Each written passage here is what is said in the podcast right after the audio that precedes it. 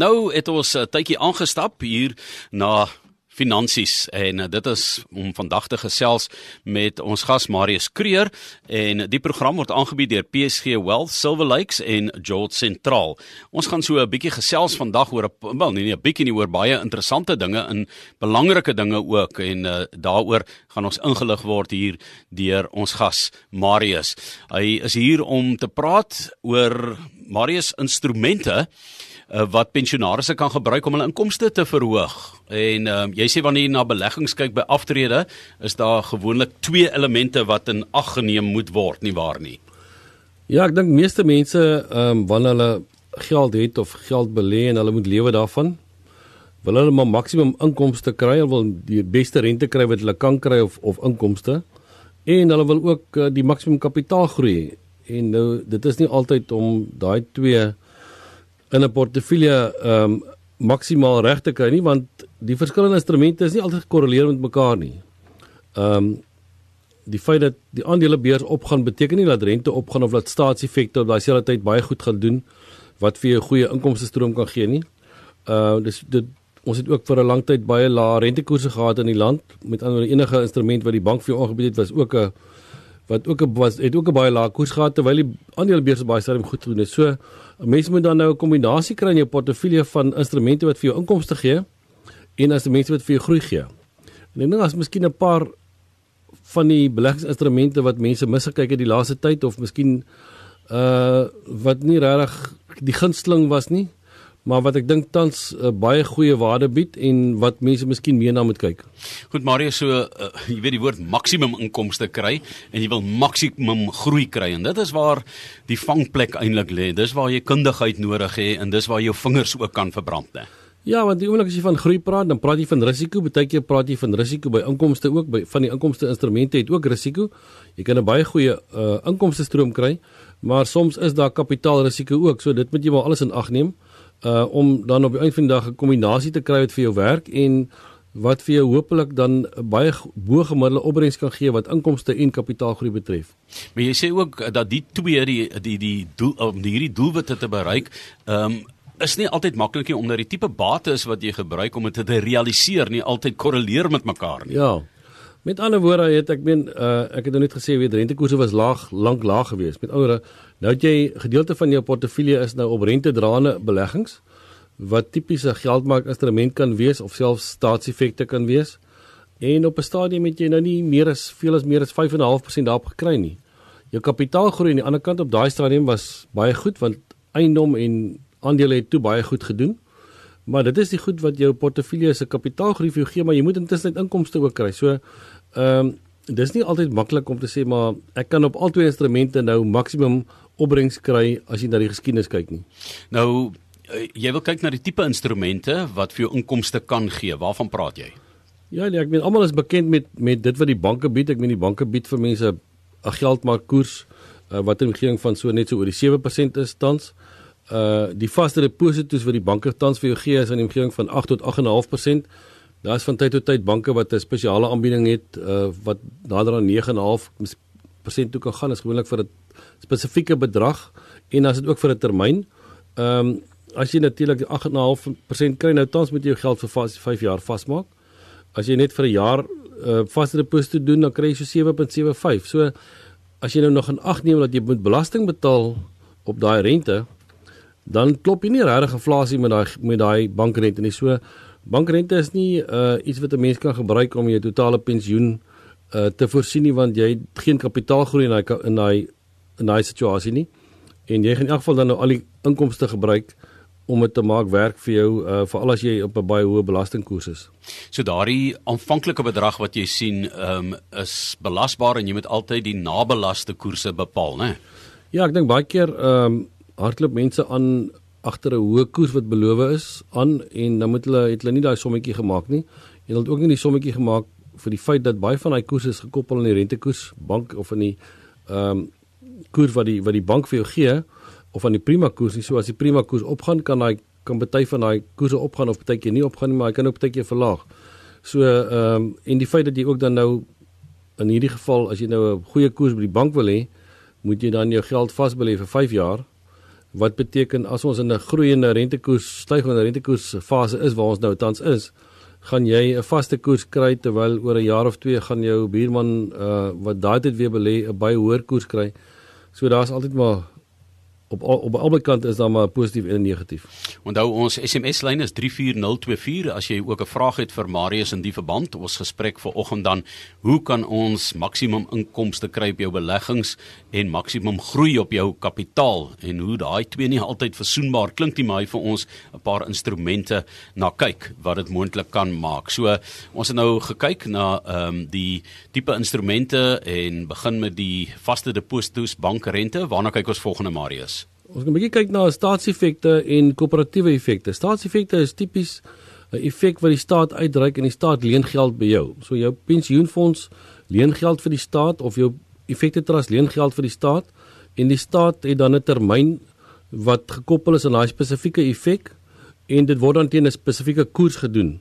Ehm um, almal ken altyd praat altyd van die RSA 157 of die R157 wat nou vervang is met die R208 Daai tipiese koers is so in die omgewing van 8.64 op oomblik. Nou dit is 'n koers wat jy kan kry as jy in daai instrument belê, uh wat ook belasbaar is. Natuurlik kan jy in daai instrument kapitaalwins of kapitaalverlies maak afhangende wat met rentekoerse oor die kort termyn gebeur, oor die lang termyn. Uh so daar's tye wat ons altyd sê staatseffekte is goedkoop.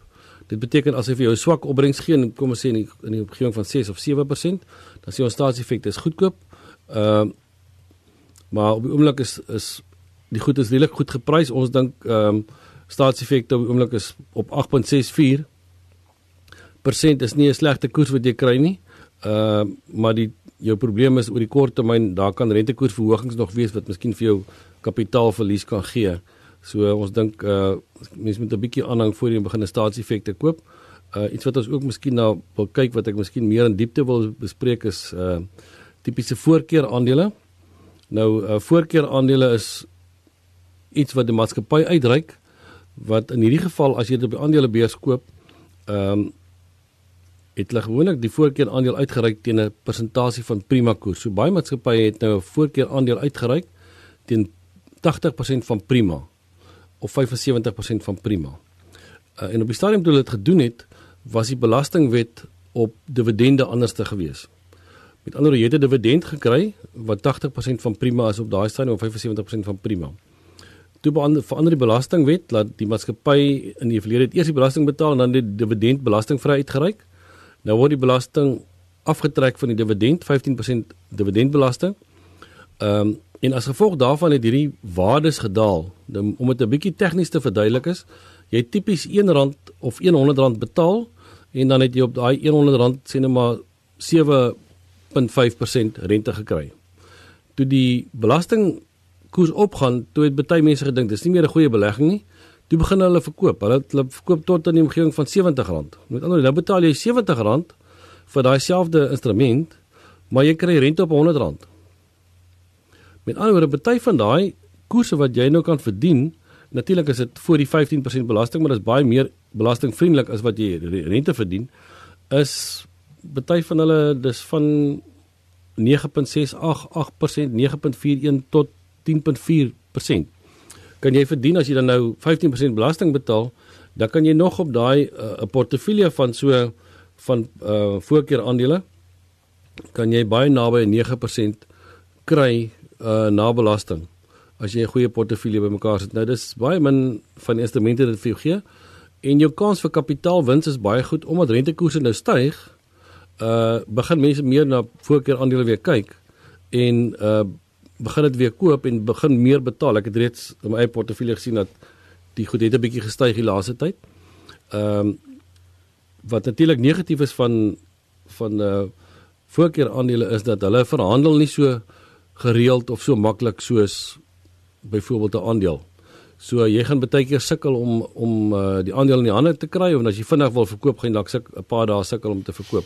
Maar individue sukkel gewoonlik nie, is maar gewoonlik die groot fondse wat 'n uh, probleem het met likwiditeit want hulle wil nou miljoene rande daarin insit of uithaal. Ja, Marius, ek weet jy's baie lief vir rugby en om rugby voorbeelde te gebruik. So hier lyk vir my jy uitstekende opbrengs en ehm um, dan ook kapitaalgroei wat jy teweeg kan bring. Met ander woorde, jy het 'n goeie agtal en 'n goeie agterlyn. Dit help jy het 'n skitterende agterlyn, ja. kry nooit bal nie in die agtal sukkel nie. Jy ja, weet die nou- voorspelers. Nou, jy het nou nou nie so in hierdie geval 'n uh, 'n loskakel soos die ouetjie wat nou vir een van die Kaapse spanne gespeel het aan die ander kant wat 29 punte teen Affies aangeteken op sy eie nie, het al die drie en al die koppe self oorgesit nie. So ja, is nie baie min instrumente wat dit vir jou gaan gee wat vir jou nou baie hoë opbrengs gaan gee en goeie kapitaalgroei. Ehm um, En natuurlik een van die ander instrumente wat ons wat ons graag wil bespreek is is eiendom. Want uh indien jy in 'n eiendomsmaatskappy belê, tipies jou growth points of redefines of ehm um, verskillende maatskappye wat nou weer 'n klomp eiendom besit. Uh ons het nou eendag gesien dat hierdie nuwe Mall of Africa het nou het nou oopgegaan aan die ander kant. Ehm um, baie van die maatskappye belê in groot winkelsentrums want daar kry jy tipies jou ankerhuurders wat 'n huurkontrak vir 10 en 15 jaar teken wat met inflasie aangepas is. So jy's redelik seker van jou huurinkomste. Ehm uh, baie van hulle gee nog vir jou 'n uh, 8% tot 'n 8.5% omtrent ehm uh, dividend en natuurlik kan jy ook kapitaalgroei kry as die maatskappy goeie wins maak, dan is daar ook in die verlede het jy altyd maar kapitaalgroei gekry. Maar daar's ook tye wat hierdie aandele duur is en dan is daar ook 'n kans vir kapitaalverlies. Hulle reageer maar baie soos aandele as die mark geskit of geskok word. Maar lanktermyn dink ons vir vir ehm um, beleggers of pensionaarsse wat inkomste moet kry, hou ons daarvan om 'n portefeulje saam te sit wat dan nou ehm um, aandele het wat hoë dividende betaal, uh, eiendom as ook dan nou voorkeur aandele. In so 'n portefeulje kan dan baie goed werk om vir jou inkomste aan te vul. Goed, so jy het basies uh, eintlik vier aspekte ondersoek hierso in ons program. Uh, jy het gaan kyk na ehm um, vaste deposito's, deposito's en bankrente gesê jy moet net ehm um, jy weet gaan kyk wat is belasbaar en die nabelaste koers moet jy eintlik bepaal daar. Jy het gesê staatseffekte en koöperatiewe effekte. Mens moet daarna gaan kyk, maar hier is 'n termyn en risiko waaroor jy gesels het. Dan voorkeur aandele wat jy sê op die oomblik goed werk, um, uitstekende opbrengs en boonbehalwe ehm um, die inkomste kan jy ook kapitaalgroei teweegbring in hierdie proses. En dan ehm um, vierdens het jy gesê kom ons kyk na eiendomsmaatskappy plaaslike of oorsee oorsee wat vir jou inkomste gaan gee asook kapitaalgroei maar daar is ook risiko's aan verbonde. Marius kom ons kyk 'n bietjie na spesifieke aandele nou en uh, waar mens op die oomblik ehm um, jou jou ore op die grond moet hou. Ja ek dink dit ehm um, in so 'n portefeulje waar mense dan nou hoë inkomste wil kry of 'n goeie inkomste stroom wil kry hou ons ook daarvan om byvoorbeeld ehm um, hoë dividend aandele te kies. Ehm um, 'n tipiese voorbeeld nou is byvoorbeeld 'n uh, 'n Standard Bank aandeel of Vodacom of MTN. Dis dis maatskappye wat vir jou tans naby 'n 5% dividend gee. Ehm um, en as jy dit gaan vergelyk byvoorbeeld met wat jy by die bank kan kry na belasting, dan kry jy omtrent dieselfde inkomste stroom, maar jy het die potensiaal van baie goeie kapitaalgroei. So in so 'n portefeulje probeer mense dan nou ook uh maatskappye met 'n goeie dividend maar ook maatskappye wat 'n goeie dividend groei het. Met ander woorde, jy weet mos nou dit is 'n langtermynbelegging. Uh jy wil elke jaar 'n verhoging hê en jy moet instrumente kry wat ook vir jou kan dividend groei gee met ander woorde wat vir jou vorentoe 'n verhoging in jou inkomste stroom kan gee. En dit is dan dit sal dan deel uitmaak van so 'n tipiese portefeulje wat dan bestaan op oomblik uit 'n uh, uit voorkeur aandele, uit eiendom uit en dan nou ook uit uh, gewone aandele maar aandele wat spesifiek gemik is uh of gekies is met die doel om vir jou 'n hoë inkomste stroom te gee of, of wat gewoonlik 'n baie hoë dividend betaal. Daar is mense wat ook uh, hier 'n paar vrae het. As jy as ek 'n regeringspensioen kry, hoeveel kan ek uit 'n belegging kry, rente, voordat ek belasting daarop moet betaal? Dis dinkie wat dit vra. Uh so sy het 'n pensioen, daai pensioen betaal uit en ek dink sy wil dit dan as dit ware herbelê want want um, hoeveel kan ek uit 'n belegging kry rente voordat ek belasting daarop moet betaal? So gaan jy nog steeds belasting betaal op ja, geld wat jy uit 'n pensioen uit weer belê. Ja, wel enigiets wat jy weer belê of jy dit nou eenmal belê of tweemaal belê as jy uit 'n pensioen kom, dan gaan daar belasting afgetrek word uit die pensioenfonds wat jy dan nou maandeliks kry as jy daai geld herbelê.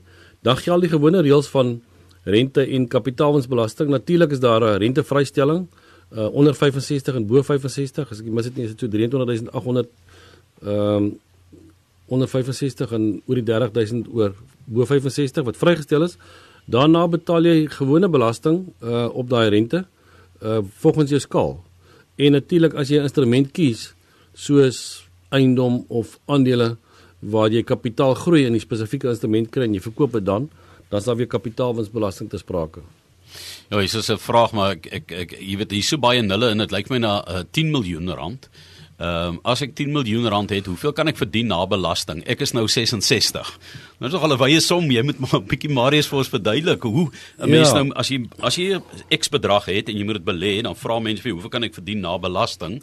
Maar is dit nie maar wisselend en wat jou ja, keuses is nie? Ja, ek weet ek weet nou nie wat is die eh, die persoon se spesifieke belastingkoers nie, wat se ander inkomste het hy nie, op watter op watter uh, skaal hy is nie.